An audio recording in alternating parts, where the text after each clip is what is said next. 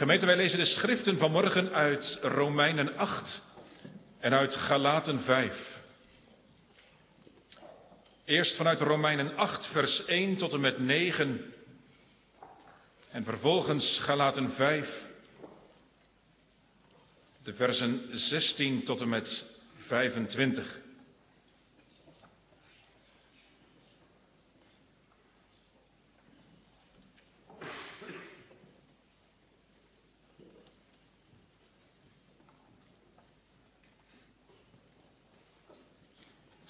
Eerst dus Romeinen 8, waar het woord van God klinkt. Dus is er nu geen verdoemenis voor hen die in Christus Jezus zijn, die niet naar het vlees wandelen, maar naar de geest. Want de wet van de geest van het leven in Christus Jezus heeft mij vrijgemaakt van de wet van de zonde en van de dood. Want wat voor de wet onmogelijk was, krachteloos als ze was door het vlees, dat heeft God gedaan. Hij heeft zijn eigen zoon gezonden in een gedaante gelijk aan het zondige vlees. En dat omwille van de zonde. En de zonde veroordeeld, verdoemd in het vlees opdat de rechtvaardige eis van de wet vervuld zou worden in ons, die niet naar het vlees wandelen, maar naar de geest.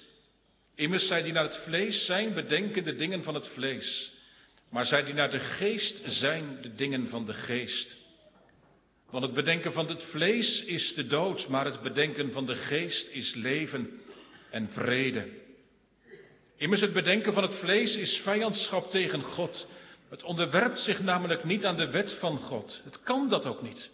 En zij die in het vlees zijn, kunnen God niet behagen. Maar u bent niet in het vlees, maar in de geest. Wanneer althans de geest van God in u woont. Maar als iemand de geest van Christus niet heeft, die is niet van hem. Tot zover Romeinen 8, tweede lezing uit Galaten 5 vanaf vers 16. We lazen zojuist, en dat zal straks ook terugkomen, over wandelen naar het vlees en wandelen naar de geest. En Galaten 5 gaat daar als het ware op door. Ik lees u vanaf vers 16. Galaten 5, vers 16. Maar ik zeg, wandel door de geest en u zult zeker de begeerte van het vlees niet volbrengen. Want het vlees begeert tegen de geest in en de geest tegen het vlees in. En die staan tegenover elkaar, zodat u niet doet wat u zou willen. Maar als u door de geest geleid wordt, bent u niet onder de wet. Het is bekend wat de werken van het vlees zijn, namelijk overspel, hoererij, onreinheid, losbandigheid, afgoderij, toverij, vijandschappen, ruzie, afgunst, woedeuitbarstingen, egoïsme, oneenigheid, afwijkingen in de leer, jaloersheid, moord, dronkenschap, zwelgpartijen en dergelijke. Waarvan ik u voor zeg, zoals ik ook al eerder gezegd heb, dat wie zulke dingen doen en daarin volharden, het koninkrijk van God niet zullen beërven. De vrucht van de geest is echter liefde, blijdschap, vrede, geduld, vriendelijkheid, goedheid, geloof, zachtmoedigheid, zelfbeheersing. Daartegen richt de wet zich niet. Maar wie van Christus zijn, hebben het vlees met zijn hartstochten en begeerten gekruisigd. Als wij door de geest leven, Laten wij dan ook door de geest wandelen. Laten wij geen mensen met eigen dunk worden. Elkaar niet uitdagen en benijden. Tot zover gemeente de lezing van het woord van God. Gemeente, ik mag u het woord van God bedienen vanmorgen vanuit Romeinen 8. De eerste vier versen, waarbij ik als kern vers 1 nog een keer lees. Romeinen 8, vers 1 Dus is er nu geen verdoemenis voor hen die in Christus Jezus zijn, die niet naar het vlees wandelen, maar naar de geest. Bevrijd van, dat is het eerste. En bevrijd tot, dat is het tweede. Gemeente des Heren, sinds Pasen, Pinksteren, is de laatste fase van de wereldgeschiedenis aangebroken. De Bijbel noemt die tijd nu al zo'n 2000 jaar de eindtijd, het laatste der dagen. En dat kun je heel algemeen zeggen, maar, maar, maar ook voor de kerk, voor de gemeente, de plaatselijke gemeente en voor iedere gelovige afzonderlijk. Moet je zeggen dat de tijd na Pinksteren anders is dan dat die was voor die tijd. Voor gelovigen toen. En, en wat is dat andere dan? Nou, dat bezinkt Paulus in, in Romeinen 8. Gemeente, en als ik het kort samenvat, dan is het dit. De Heilige Geest die woont in de gemeente. En hij woont ook in het hart van iedere gelovige. En wonen, dat is niet even logeren, even langskomen af en toe. Nee, nee, wonen is er verblijven. Er de dienst uitmaken. Meisjes, jongens, fijn dat je er bent. Laat ik beginnen met een voorbeeld. Hey, heb je wel eens gehoord van de zwaartekracht? Nou zeg je, dat vind ik een moeilijk woord, zwaartekracht. Krijg je nog wel op school. Maar, maar ik ga het alvast tegen je zeggen, want het is helemaal niet zo moeilijk. Wat gebeurt er als jij een steentje omhoog gooit? Dan valt hij naar beneden.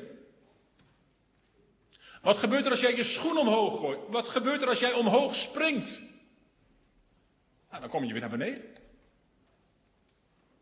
Nou, dat is de zwaartekracht. Je wordt weer naar beneden getrokken. Ja. En, en, en, soms kan die zwaartekracht hele ernstige gevolgen hebben. Kun je wel voorstellen? Als er iemand van een grote hoogte naar beneden valt. Dan kun je je zeer doen. Nou, je kunt wel doodvallen. Ja, toch?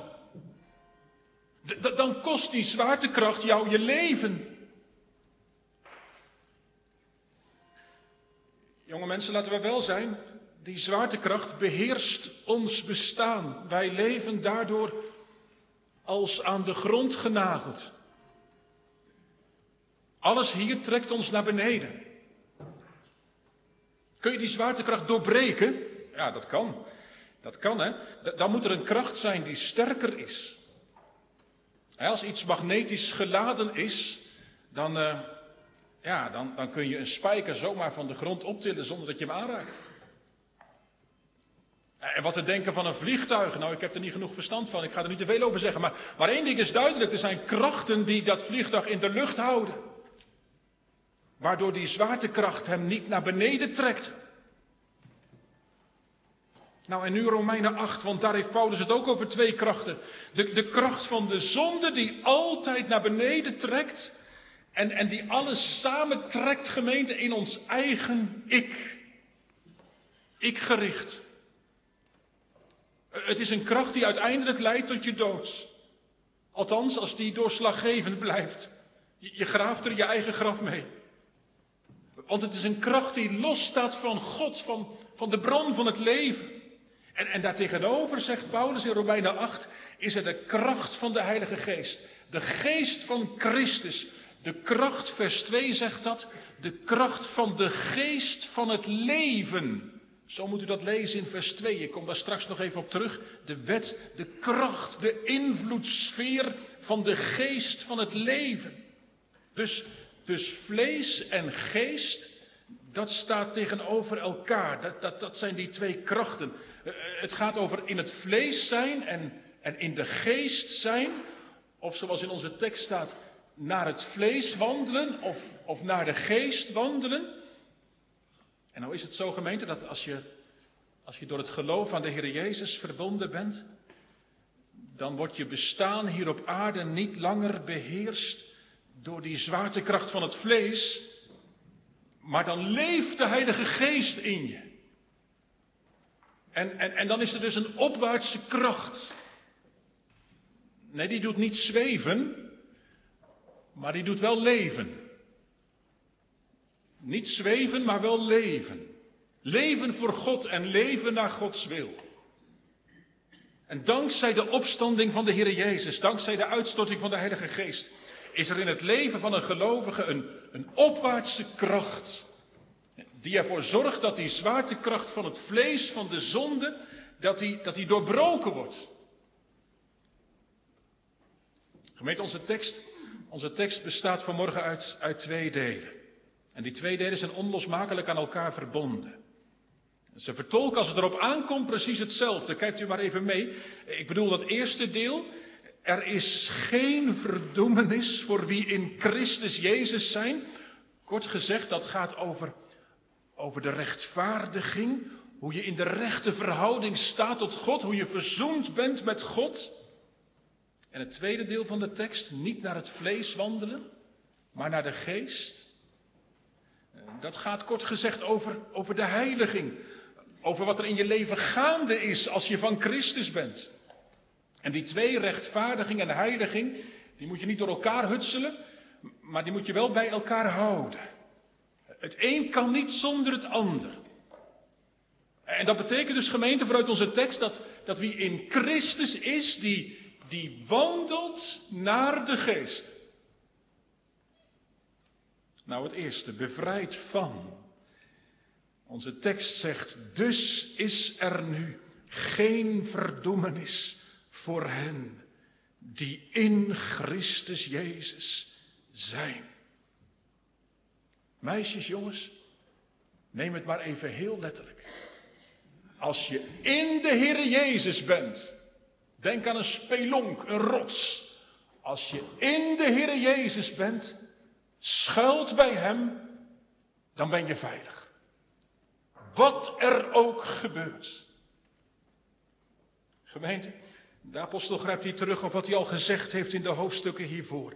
Dat proeft u wel in dat woordje dus, zo in de oude statenvertaling. Het is een soort conclusie die teruggrijpt, maar ook wel iets wat, wat een basis legt voor het vervolg. En dan staat er een huiveringwekkend woord. Het woord verdoemenis. Misschien schrik je er wel van. Ik hoop het eigenlijk wel. Want het is ook een huiveringwekkend woord. Verdoemenis, daarmee wordt bedoeld het resultaat als je veroordeeld wordt. Wat dat betekent voor je leven, voor altijd. Eeuwige, definitieve veroordeling. Weet, ik moet bij dat woord altijd weer denken aan dat moment dat ik een oude vader moest begraven. Waarvan de kinderen niet zoveel hadden met God en met zijn woord. En, en die wel zeiden tegen mij van tevoren, dominee, niet te veel hel en verdoemenis, hè?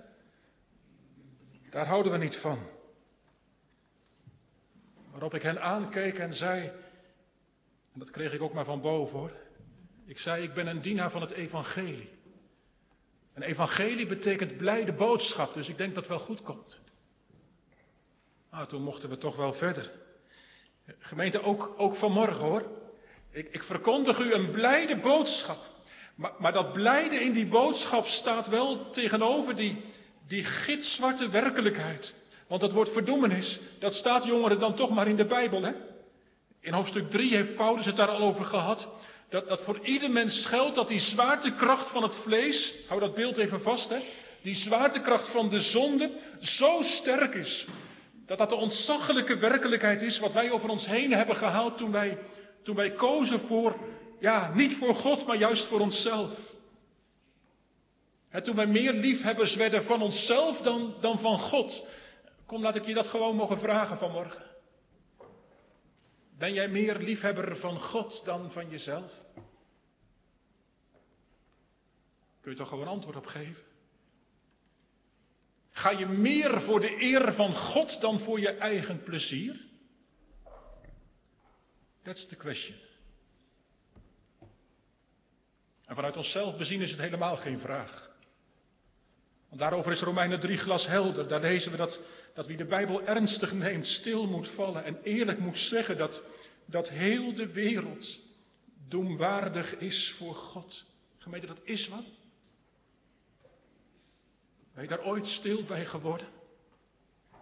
Heb je die bodem van je bestaan ooit echt geloofd? Het is wat God erover zegt, hè? Dat je zo vast zit aan die zwaartekracht van het vlees, van de zonde, dat als God dat niet anders maakt, dat dat dan vroeg of laat leidt tot de eeuwige dood. Gemeente, als je dat echt ziet, dan kun je niet anders ook vanmorgen dan diep verwonderd, dan heel blij zijn als God je tegemoet komt met de boodschap van het evangelie, met woorden van genade, van vrede, ook in deze dienst. En dat elk woord dat God tot je spreekt in de Bijbel uiteindelijk niet anders is dan, dan een woord dat gericht is op je behoud. Dan ga ik even met u naar vers 3. Houdt u het erbij? Want in vers 3 wordt dat kernachtig uit de doeken gedaan. We lezen, want wat voor de wet onmogelijk was, krachteloos als ze was door het zondige vlees, dat heeft God gedaan. Wat voor de wet onmogelijk was. Bedoeld wordt gemeente de heilige wet van God, de wil van God die goed is. Wat God van ons wil, Hem lief hebben boven alles. Je naaste lief hebben als jezelf. En als je dat probeert, gemeente, dan, dan kom je erachter dat de zonde zo verwoestend heeft doorgewerkt in ons bestaan. Paulus noemt dat hier in vers 3 het vlees, het zondige vlees. Dat dat zo'n allesbeheersende kracht is in ons. Dat, dat hoe je het ook probeert en hoe je er ook voor gaat, dat je daar zelf niet los van komt. Jongeren, ik zeg dat tot jouw bemoediging.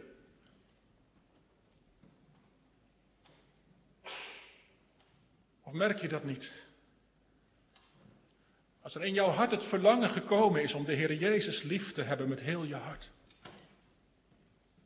Je hebt misschien wel beleidenis gedaan, hè, vol overtuiging. Maar je merkt snel of later dat er in je leven krachten zijn die dat weer zo naar beneden drukken. En je wordt er soms moedeloos van. Misschien ben je teruggehaald vanuit de wereld. Je hebt een tijd lang niet in de kerk geweest. Je bent teruggekomen. En je dacht dat je het weer zag. En je voelt hoe die krachten blijven trekken in je leven. Nou, dat is nou die zwaartekracht waar ik het net over had. Dan moet je horen, de jubel in vers 3. Wat voor de wet onmogelijk was, wat je dus zelf niet voor elkaar krijgt, omdat het krachteloos is door dat zondige vlees. Let wel, vers 3. Dat heeft God gedaan.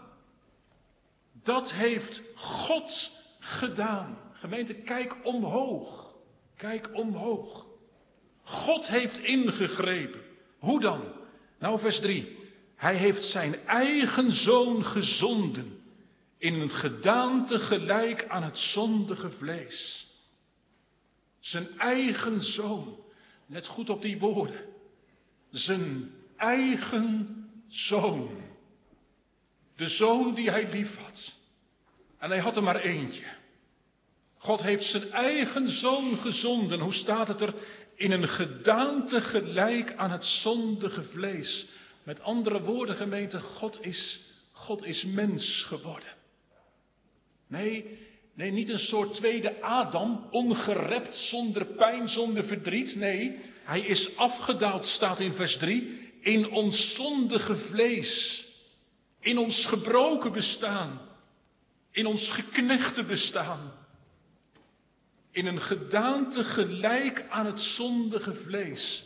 Let wel, hij werd dus niet gelijk aan de zonde, maar, maar hij daalde er wel in af, in onze misère. Hij, hij is één van ons geworden. En dat, vers 3, omwille van de zonde. Hij, hij daalde er dus in af, in ons zondige leven, om iets met die zonde te gaan doen. Om die zondemacht te lijf te gaan. Van binnenuit. En moet u kijken, dan staat er aan het eind van vers 3.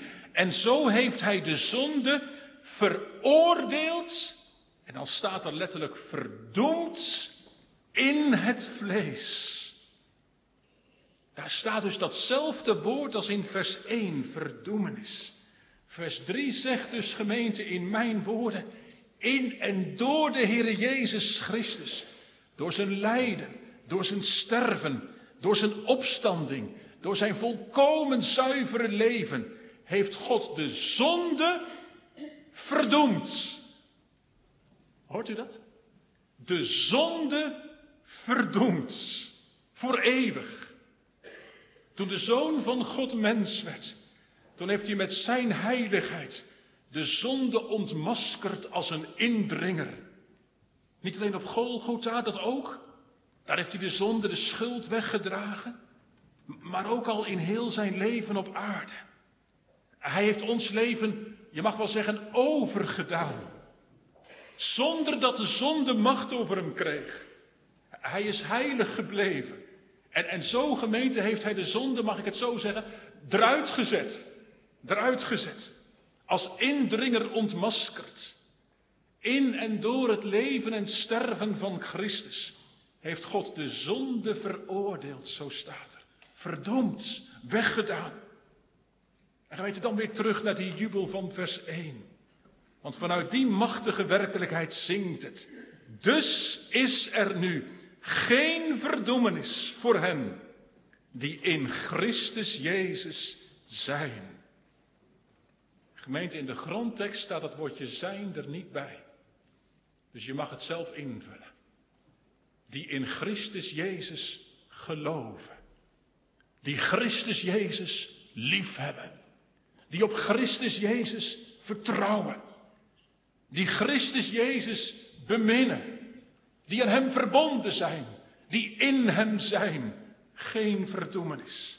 Geen veroordeling. Nu niet en nooit.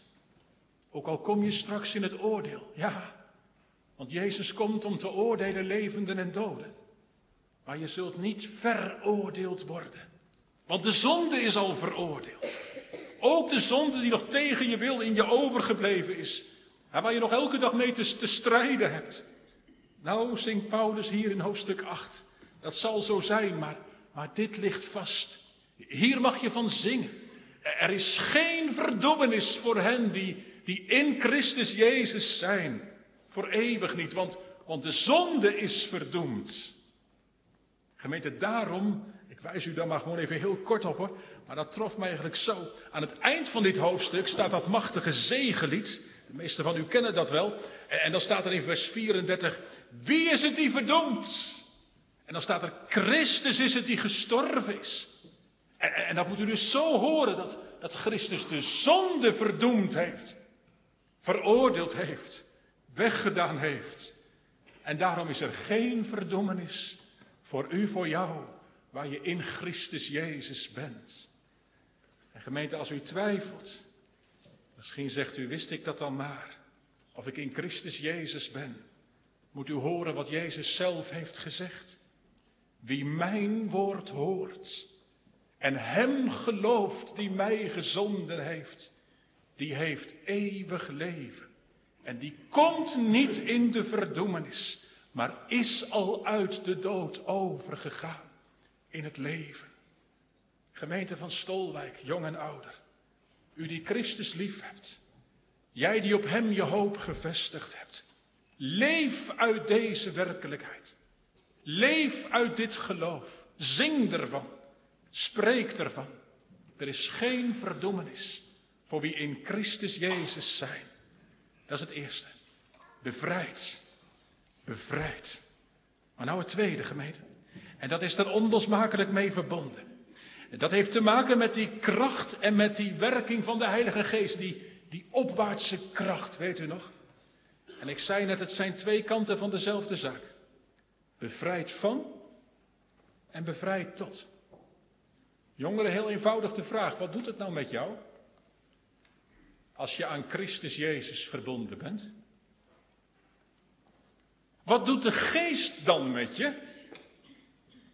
Nou ja, hoe staat het er? Vers 1b. Niet naar het vlees wandelen, maar naar de geest. En aan het eind van vers 4 staat het nog een keer, letterlijk. Daaraan ziet u dat die versen bij elkaar horen. Niet naar het vlees, maar naar de geest. Wandelen naar de geest, wandelen. Maar dat gaat over je levensgang. Over je manier van leven. Over alles wat je bent en overal waar je naartoe gaat. Wie denkt daarbij niet aan, aan Mozes, aan Henoch? Mooi hè, die woorden.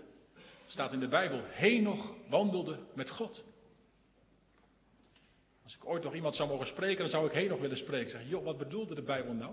Henoch wandelde met God. Ging die zweven? Nee, geloof ik niet. Wel leven.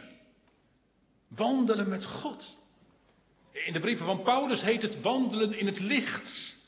Wandelen in de liefde. Jij zingt er misschien wel van. Ik wandel in het licht met Jezus. Dat is het. Ja, maar dan staat het hier wel tegenover elkaar. Hè? Niet wandelen naar het vlees, maar naar de geest. Gemeente, om te begrijpen wat de apostel daarmee bedoelt, moeten we vers 2 erbij betrekken. Dat vers begint met het woordje want. En dan gaat het over de wet. En ik zei u net al, dat betekent de invloedssfeer van de geest van het leven tegenover de wet, de invloedssfeer van de zonde en van de dood. Dus even heel duidelijk gemeente, in vers 3 wordt ook het woordje wet gebruikt, maar daar heeft het een andere betekenis, dat zagen we net. Daar gaat het over de heilige wet van God, de wil van God. Maar in vers 2 gaat het veel meer over, over dat wat bepalend is in je leven. De invloedssfeer. Wat jou beheerst, wat jou bepaalt. Is dat de geest of is dat het vlees? Onder wiens vlag leef je? Nou ja, als je Stolwijk uitrijdt via Berkenwoude, dan kun je alleen maar vlaggen zien. Ik zal het er verder niet over hebben, maar, maar, maar, maar onder wiens vlag leef je? U kunt daar regelmatig aan denken als u, als u door het dorp of de buiten rijdt. Onder wiens vlag leef je? Wie, wie maakt in jouw leven de dienst uit? Wie stempelt je denken, je voelen, de richting van je leven? Wandelen naar het vlees. Dan word je, zegt vers 2, beheerst door de wet van de zonde, die leidt tot de dood. Zo moet u dat lezen. Dan word je, om, de, om maar zo te zeggen, gemeente, naar, naar beneden getrokken. Dan, dan draait alles om je eigen ik. Wie wandelt naar het vlees, die zakt steeds verder weg. Jongeren, over doorzakken gesproken. Ik weet niet of je dat woord wel eens gebruikt. Even lekker doorzakken. Dit is doorzakken. Als je je leven laat bepalen door, nou ja, door wat er binnenin je zit. Door je eigen ik-gerichte leven. Door je pleziertjes. Door dat waar je denkt gelukkig van te worden. Door dat wat in je carrière zit, in je bedrijf. Ja, ook dat ouderen, in je bedrijf. Of, of, of, of in je gezin of in je huwelijk. Schatten hier op aarde. Als, als dat je leven stempelt, dan sta je onder een invloedssfeer die leidt tot de dood. En daartegenover staat wandelen door de geest. Dat is niet gericht op iets in jezelf, maar dat is gericht op de geest. En de Heilige Geest is een persoon, dat, dat is de geest van Christus. En die gaat voor je uit, die, die houdt je het woord van God voor. Om, om daarnaar te richten, om daarnaar te leven. Wandelen naar de geest, dat betekent gemeente dat je bij de hand genomen wordt. Dat je dus niet zelf bepaalt, maar dat je steeds zegt, Heere, wat wilt u dat ik zal doen? En gemeente, dan is het zo dat de Heilige Geest altijd weer eerst leidt naar de Heer Jezus. Hè? Dan ben ik eigenlijk weer bij vers, vers 1a, naar de Heer Jezus. Altijd weer leert de Heilige Geest je te leven. Dat is het eerste gemeente, ook nu weer, om, om te leven uit het volbrachte werk van de Heer Jezus. Dat je als zondaar genade mag ontvangen. En, en dat je mag weten dat, dat in de Heer Jezus er voor eeuwig vrijspraak is. Dat Hij mij met zijn zegen vervult en dat Hij mijn vloek op zich nam. Dat alles overwinnende werk van de Heer Jezus. Dat, dat je leert leven uit Hem. Dat is wandelen naar de geest. Maar er is nog iets meer. En, en dat is wat ik ook aan het begin van de preek al noemde. Dat de geest in je leven komt wonen en, en werkt in je hart. En dat de Heilige Geest dan ook altijd naar boven toe werkt. Die werkt niet mee met dat ik-gerichte van ons, dat doorzakken. Nee, de Geest doet ons zoeken de dingen die boven zijn. De Geest verbindt ons meer en meer aan de Heer Jezus. In vers 2 staat de wet, de invloedssfeer van de Geest van het leven in Christus Jezus. Dus, dus wandelen naar de Geest, dat is, en u merkt wat ik zoek naar woorden, gemeente, dat is je daadwerkelijk door de Geest laten leiden bij het woord. Bij het woord, bij de wet, bij de wil van God. Ja, toch wel, hè? Dat staat ook in vers 4 trouwens, hoor. Dat, dat je meer en meer ja, die wil van de Heer zal doen, opdat de rechtvaardige eis van de wet vervuld zal worden in ons. Het gaat met vallen en opstaan. Je blijft zonde doen, je wordt geen zondeloze. Maar toch, toch het verlangen van je hart. Jongeren, soms hoor je dat zeggen. Als de geest in je leven komt, dan ben je vrij van de wet. Zou het? Ja, je bent vrij van de veroordelende kracht van de wet. Dat wel, al ga je duizend keer onderuit. Je mag weten dat er geen verdoemenis is als je in Christus Jezus bent. Maar je bent niet vrij van de wet zelf. Kom nou. De Heilige Geest bindt je juist aan die goede, heilige wet van God. Dat is nou wandelen naar de Geest en niet naar het vlees. Dat je gericht bent op wat God wil. Het is het verschil tussen een zelfsturend leven en een leven dat geleid wordt. Gemeente, dan is heel radicaal hoor, vanmorgen. Want je kunt maar op één plaats tegelijk zijn. Je bent in Christus of je bent het niet. Je wandelt naar het vlees of je wandelt naar de geest. En weet je, wandelen doe je voor je plezier, ja toch? Als ik s'avonds een rondje ga wandelen met mijn vrouw, dan doen we dat om even samen te zijn. Om even ongestoord te kunnen praten. Even van de buitenlucht te genieten. Wandelen doe je voor je plezier. Gemeente, het is niet zo moeilijk hoor. Waar hebt u plezier in? Wandelen naar het vlees of wandelen naar de geest? In de zonde of in Christus? Wat geeft jou plezier? Wat geeft jou vreugde? Als je naar het vlees wandelt, gemeente, dan, dan voel je je in de zonde als een vis in het water. Er kan nog best wel een stemmetje zijn van eigenlijk mag het niet, maar, maar, maar je geniet er toch van. Als een vis in het water. Als de Heilige Geest in je hart woont en werkt, ja, dan zondig je ook wel. Maar dan doe je dat als een vis op het droge. Voelt u het verschil? Zondigen als een vis op het droge. Je doet het wel en, en, en, soms geniet je er ook nog even van. Dat is nou je zondige hart. Maar, maar je voelt dat je er niet mee leven kunt. En weet je, de geest doet je wandelen met Jezus. En wie wandelt met Jezus, die krijgt last van zijn zonde. Die krijgt strijd met de zonde. Je gaat minder zonde doen, al voel je je vaak een grotere zonde. En dat is lastig. Je voelt je bepaald geen beter mens. Maar je gaat, en dat is wel weer het mooie, je gaat steeds groter denken van Gods genade. Gemeente, kom. De geest van God is de geest van uitbranding, zegt Jezaja. De geest brandt de zonde uit. Geest en vlees, dat is water en vuur. En dat betekent niet nogmaals dat de zonde helemaal verdwenen is in het leven van een kind van God. Dat zal pas zijn als je de laatste adem uitblaast. Maar het betekent wel dat je je van harte inspant. Hoort u dat? Je van harte inspant om heilig voor de Heer te leven. Gemeente, kom. Er zijn ook vandaag de dag veel mensen die gered willen worden. Maar ze willen gered worden terwijl ze de zonde aan de hand houden. En dat kan niet. Christus wil ze niet allebei redden. Ik bedoel de zonde en de zondaar. Christus moet en zal de zonde verdoemen voor eeuwig. En als je niet scheiden wilt van de zonde, als je de zonde bewust aan de hand houdt, dan blijft er voor jou, voor u geen redding over.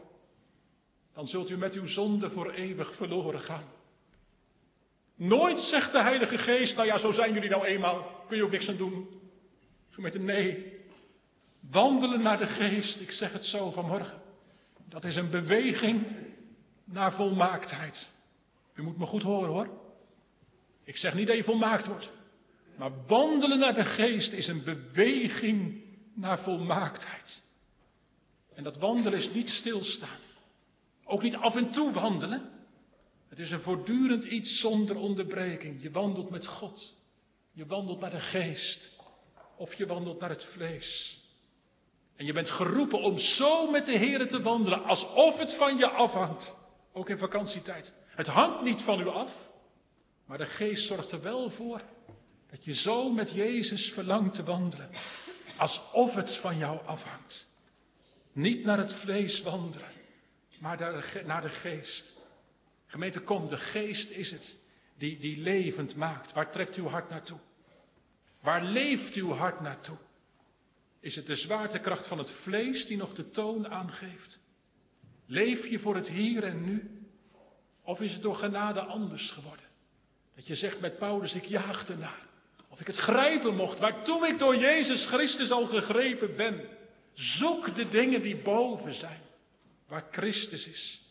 Niet naar het vlees wandelen, maar naar de geest. Welke van de twee verzorgt u het beste?